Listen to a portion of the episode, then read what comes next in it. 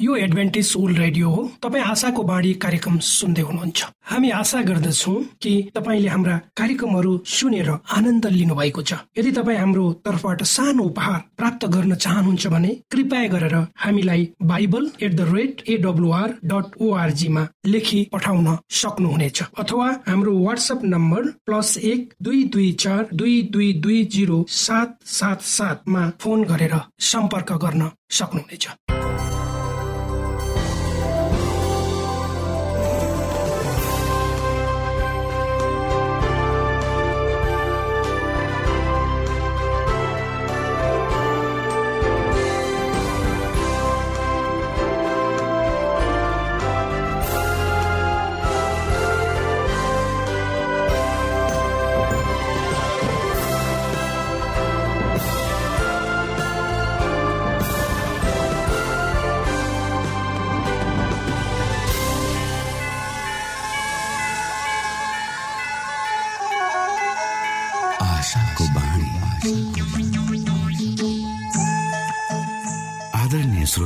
नमस्कार। यो समय तपाईँ एडभेन्टिस्ट ओल्ड रेडियोको प्रस्तुति भोइस अफ होप आशाको बाणी कार्यक्रम सुन्दै हुनुहुन्छ।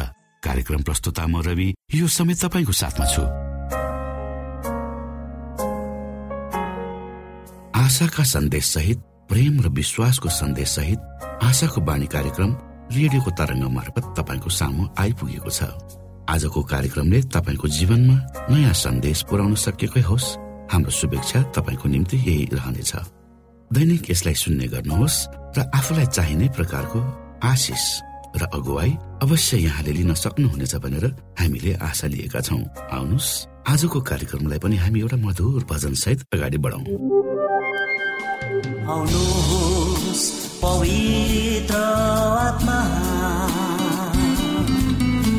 आफ्नो पुरो शक्तिमा अनि दिनुहोस् त्यो अनुभव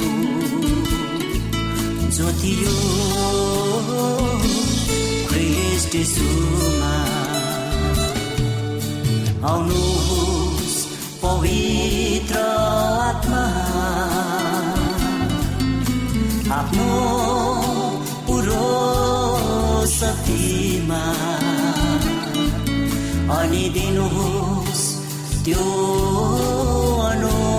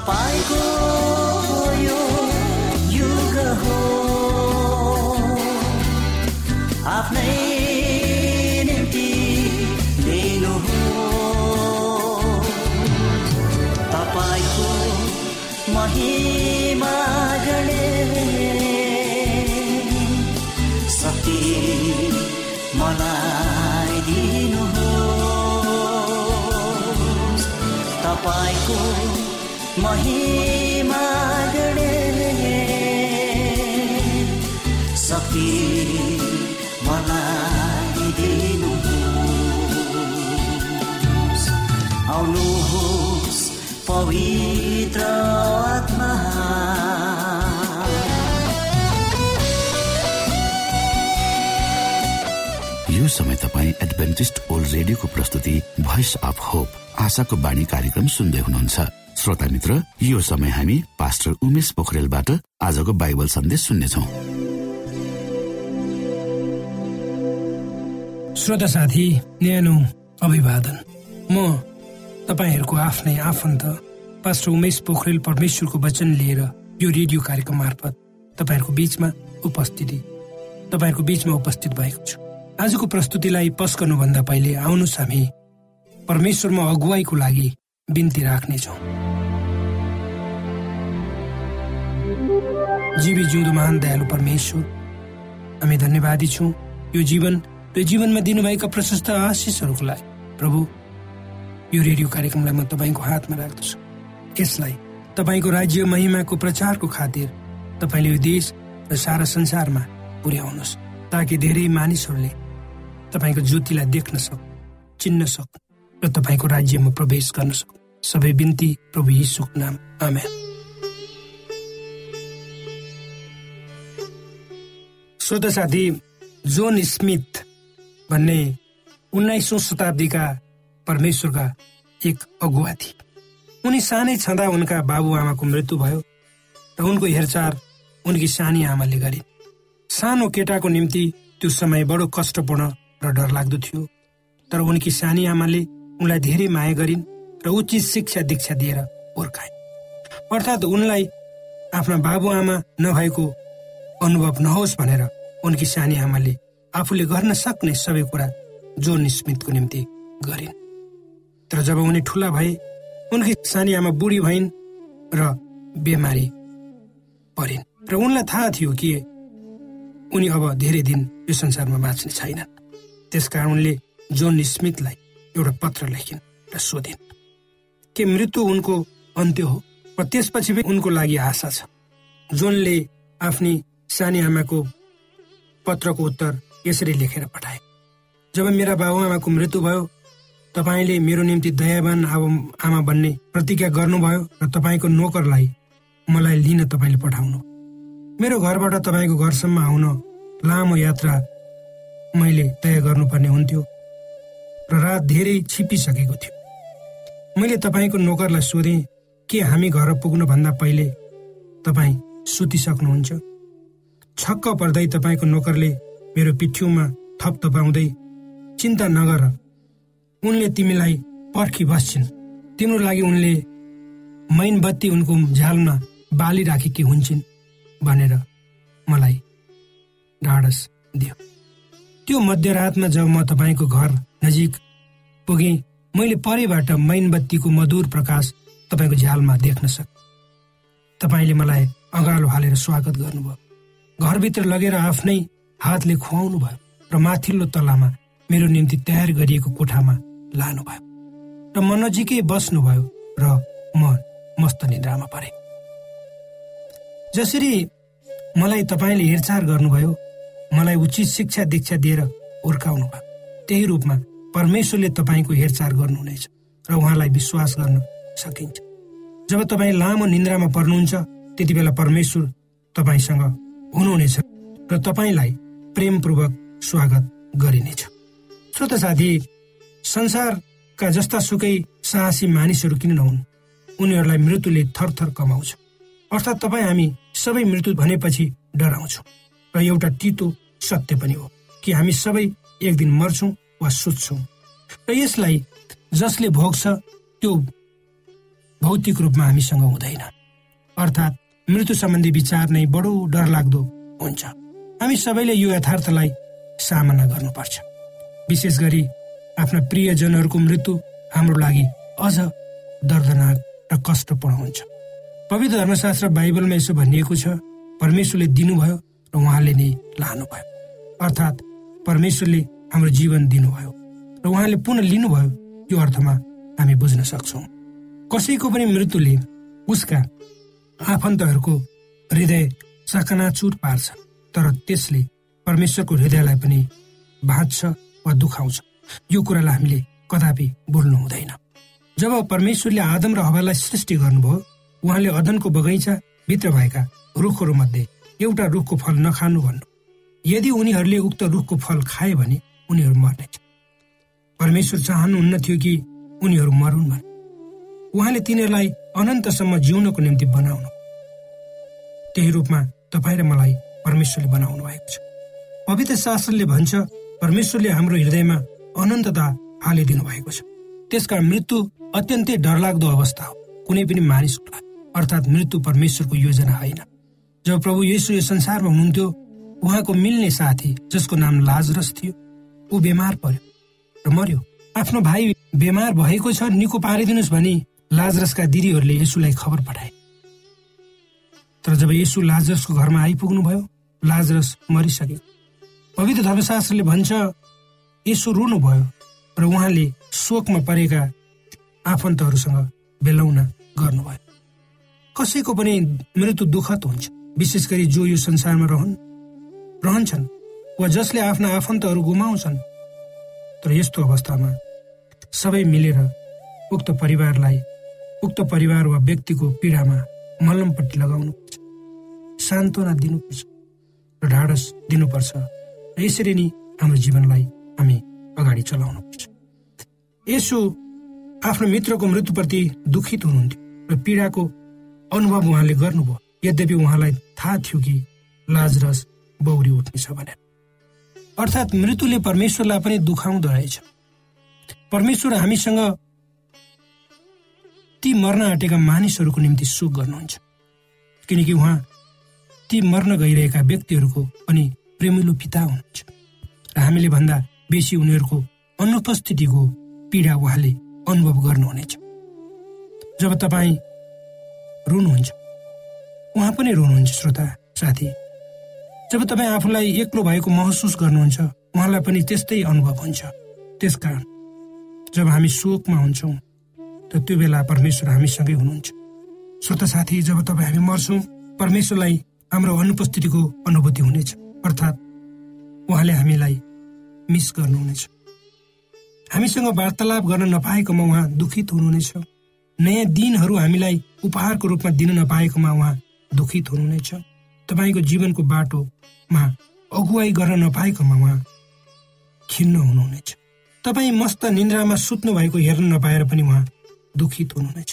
कुनै पनि आमाको लागि आफ्नो दुधी बालक जति बेसी महत्वपूर्ण हुन्छ त्योभन्दा तपाईँ परमेश्वरको निम्ति महत्वपूर्ण हुनुहुन्छ। सोचौँ त एउटै आमा आफ्नो सानो बच्चाको लागि के नै गर्दिनन् र तपाईँ जब मर्नुहुन्छ परमेश्वरको निम्ति त्यो अत्यन्तै दुःखदायी क्षण हुनेछ र उहाँको हृदयभित्र रहेको तपाईँको ठाउँ कसैले पनि लिन सक्दैन श्रोता सक्दैन।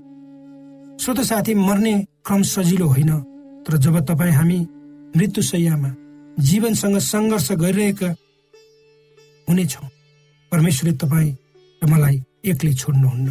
कदापि उहाँले तपाईँलाई र मलाई अन्तिम सास रहन्जेलसम्म समात्नुहुनेछ ढाडस दिनुहुनेछ हाम्रै छेउमा उहाँ बस्नुहुनेछ उहाँले त्यो तपाईँको अन्तिम अवस्थामा पनि तपाईँको हृदयभित्र गहिरो प्रेमले तपाईँलाई भर्नुहुन्छ र आफ्नो अगालोले तपाईँलाई बेर्नुहुन्छ मलाई बेर्नुहुन्छ जब तपाईँ मृत्युमा सुत्नुहुन्छ तब उहाँले तपाईँसँग बिताएका क्षणहरूलाई स्मरण गर्नुहुन्छ र ती क्षणहरूलाई आफ्नो हृदयमा सदा सदाको निम्ति राख्नुहुनेछ।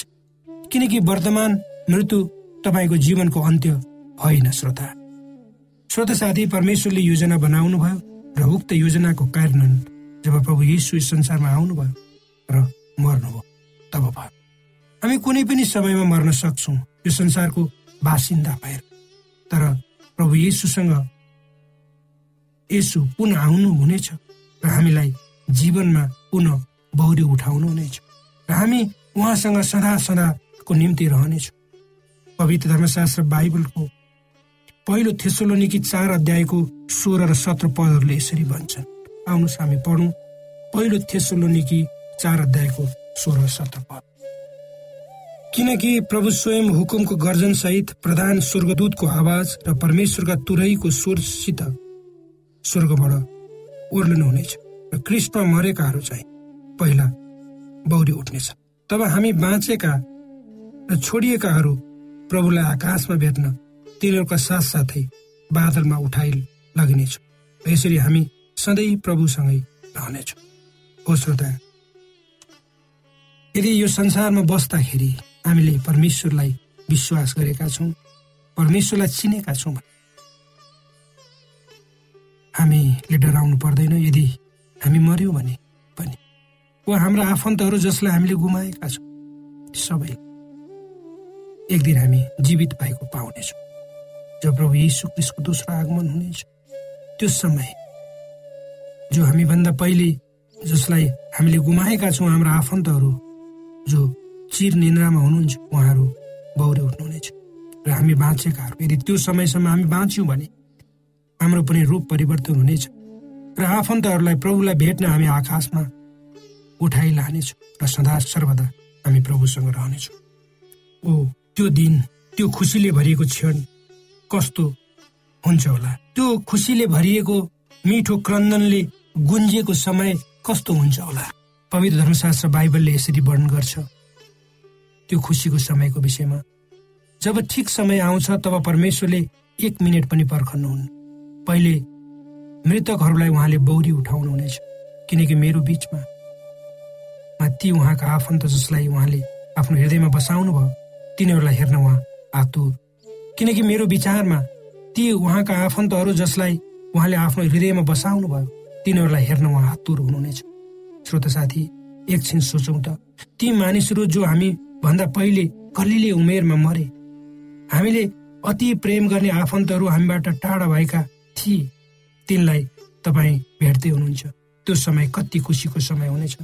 जसलाई हामीले आफ्नो भाषाद्वारा व्याख्या गर्न सक्दैनौँ। हाम्रो कल्पनाभन्दा बाहिरको यो कल्पना हुनेछ। श्रोत साथी यो संसारको पापको कारणले मृत्यु हाम्रो जीवनको एक अभिन्न भाग हो तर परमेश्वरले तपाईँ मलाई मर्नको निम्ति बनाउनु भएको होइन।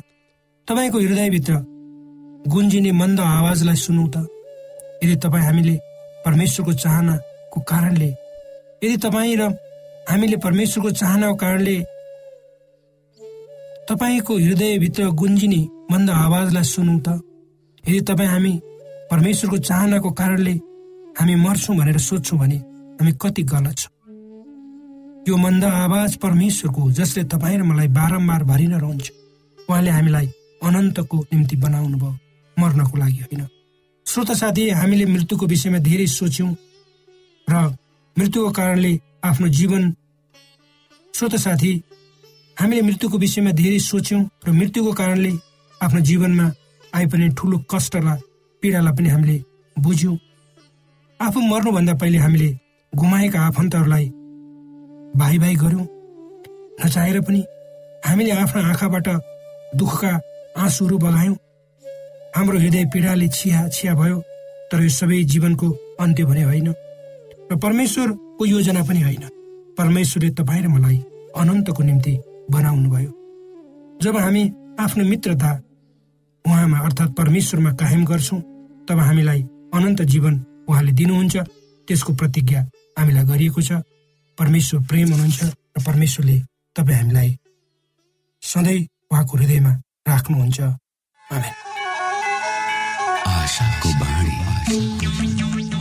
श्रोता भर्खरै यहाँले पास्टर उमेश पोखरेलबाट बाइबल वचन सुन्नुभयो। यो समय तपाईँ एडभेन्टिस्ट ओल्ड रेडियोको प्रस्तुति भोइस अफ होप आशाको बाणी कार्यक्रम सुन्दै हुनुहुन्छ। कार्यक्रम सुनेर बस्नुहुने सबै श्रोतालाई हामी हाम्रो कार्यक्रममा स्वागत गर्न चाहन्छौ। श्रोता मित्र यदि तपाईँ जीवनदेखि हरेस खानु भएको छ तपाईँका जीवनमा धेरै अनुत्तरित प्रश्नहरू छन् भने आउनुहोस् हामी तपाईँलाई परमेश्वरको ज्योतिमा डोहोऱ्याउन चाहन्छौँ। र तपाईँ आफ्नो जीवनका चिन्ता फिक्रीबाट निश्चिन्त हुनुहोस् र बाँच्नुको आनन्द परमेश्वरको सामिप्यमा कति मिठो हुन्छ त्यो चाख्नुहोस् भनी हामी चाहन्छौँ। श्रोता यदि तपाईँ आशाको बाणी कार्यक्रमलाई अनलाइन सुन्न चाहनुहुन्छ वा डाउनलोड गर्न चाहनुहुन्छ भने डब्लु डट एडब्लुआर डट ओआरजीमा जानुहोस्। त्यहाँ तपाईँले प्रत्येक दिनको कार्यक्रम सुन्न र डाउनलोड गर्न सक्नुहुनेछ। हाम्रो वेब पेज यस प्रकार छ www.awr.org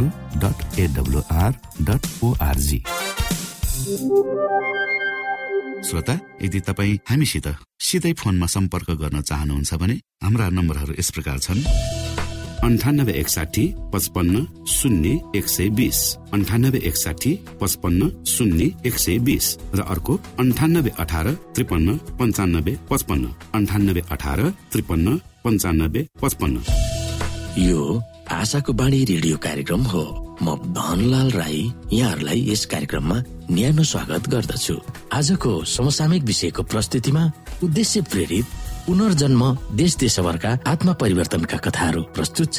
स्वीकार्नुहोस् आजको कथा सामुएल स असल मानिसहरूसँगको चिनजानी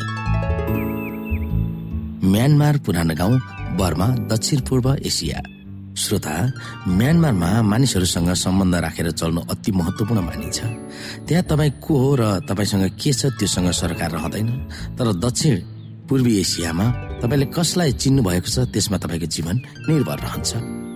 म्यानमारको राजधानी यानगुनमा सेभेन दे एडभान्टेज स्कुल छ। त्यो स्कुलमा छ सय पचासजना विद्यार्थीहरू छन्। सन् उन्नाइस सय पचहत्तरमा स्कुलको निम्ति ससाना भवनहरू बनाइएका थिए। तर स्कुलको लोकप्रियताको कारण त्यहाँ पढ्न धेरै विद्यार्थीहरूले भर्ना हुन चाहेका थिए। त्यहाँका प्रशासकहरूले धेरै दुःख मान्दै कतिपय विद्यार्थीहरूलाई फर्काउन परेको थियो। त्यस स्कुलमा विद्यार्थीहरूलाई पढ्न ठूला भवनहरूको आवश्यकता थियो। एडभान्टेज चर्चका अगुवाहरूले याङ्गुनका धेरै मानिसहरूलाई चिने तापनि स्कुललाई ठूलो बनाउन आधिकारिक अनुमति दिने मानिसहरूको सहयोग पाउन सकेका थिएनन्। चर्चका पदाधिकारीहरूले यानगुन सहरको नगरपालिकाका प्रशासकहरू कहाँ गएर ठूलो भवन बनाउन पाउँ भनी अनुमति मागे। सबैले हुन्छ हुन्छ भने तर कसैले पनि कागजमा हस्ताक्षर गर्न मानेन अगुवाहरूले आफूहरूले व्यक्तिगत रूपमा चिनेका सरकारी मानिसहरू कहाँ सहयोगको निम्ति बिन्ती गरे। तर मुखले मात्र हुन्छ हुन्छ भने तर कोही पनि मानिस आधिकारिक रूपमा सहयोग गर्न तयार भएनन्। विश्व डे एडभान्टेज चर्चको मुख्य कार्यालय अमेरिकामा छ त्यसलाई जनरल कन्फरेन्स भनिन्छ। त्यहाँको प्रशासकलाई साउथर्न एसिया पेसिफिक डिभिजनका पदाधिकारीहरूले याङ्गुनमा ठूलो स्कुल बनाउन खाँचो परेको अवगत गराएका थिए। सन् दुई हजार बाह्रमा विश्वका सेभेन डे एडभान्टेज चर्चका विश्वासीहरूले दिएको तेह्रौं साबतको स्कुलमा उठ्ने भेटीको केही भाग याङ्गुनको स्कुल भवन बनाउन सहयोग गर्न जनरल कन्फरेन्सका पदाधिकारीहरूले निर्णय गरेका थिए। यानगुनको सेभेन डे एडभान्टेज स्कुलको आवश्यक भवन बनाउन रकमहरू जम्मा गरे। पैसा पनि थियो तर नगरपालिकाले भवन बनाउन अनुमति दिएन। किनभने त्यहाँ कोही पनि मानिस चिने जानेका थिएनन्। चर्चका पदाधिकारीहरूलाई नगरपालिका धाउँदा धाउँदै तीन वर्ष बितेको थियो। म्यानमारमा चर्चका पदाधिकारीहरू चुनिने नियमित क्रममा चर्चले नयाँ नेतृत्व पनि छान्यो नयाँ अगुवाहरूले पनि सरकारी स्थानीय निकायका मानिसहरूलाई चिनेका थिएनन्। त्यसले तिनीहरूलाई निराश बनाइसकेको थियो। विद्यार्थीहरूको ओहिरो लाग्ने क्रम अहिले पनि जारी छ तर सबैलाई समेट्ने भवन छैन। भवन बनाउन अनुमति लिन कसैलाई पनि चिनेको छैन। चर्चका पदाधिकारीहरूले नयाँ भवन बनाउन असम्भव भएको ठान्न थालेका थिए।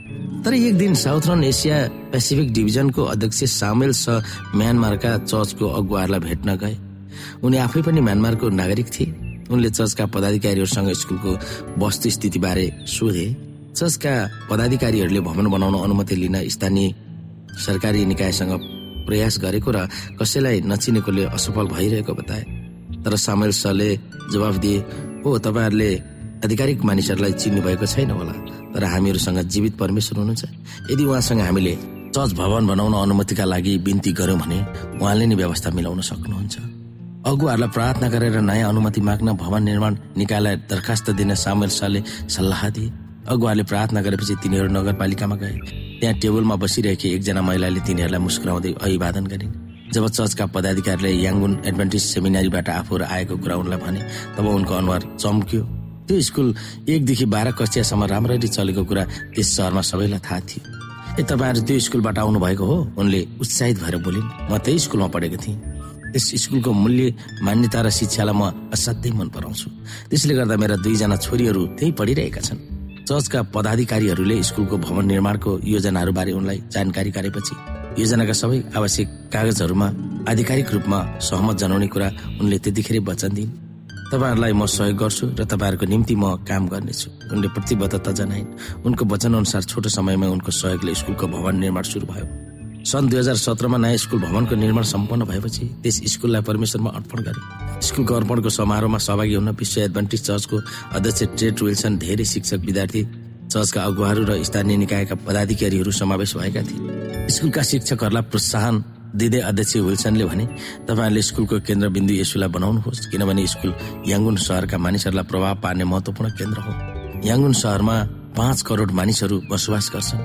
सन् दुई हजार बाह्रको तेह्रौं साबत स्कुलबाट उठेको भेटीले स्कुल बनाउन सहयोग गरेकोमा विश्व एडभान्टेज चर्च समुदायप्रति हार्दिक कृतज्ञता त्यस स्कुलको खजान्सी विल्सली डोलेले व्यक्त गरेका थिए। तेह्रौं साबत स्कुलको भेटीले स्कुलको निम्ति तीन लाख डलर अर्थात् तीन करोड रुपियाँ उपलब्ध गराएको थियो।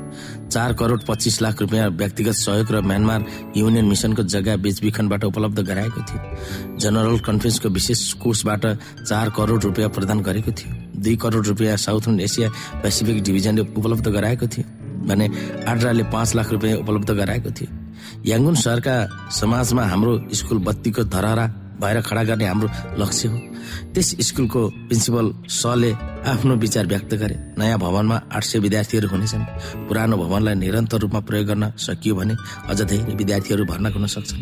प्रिन्सिपलले भन्नुभयो अहिले त्यस स्कुलमा छ सय अडचालिसजना विद्यार्थीहरू छन्।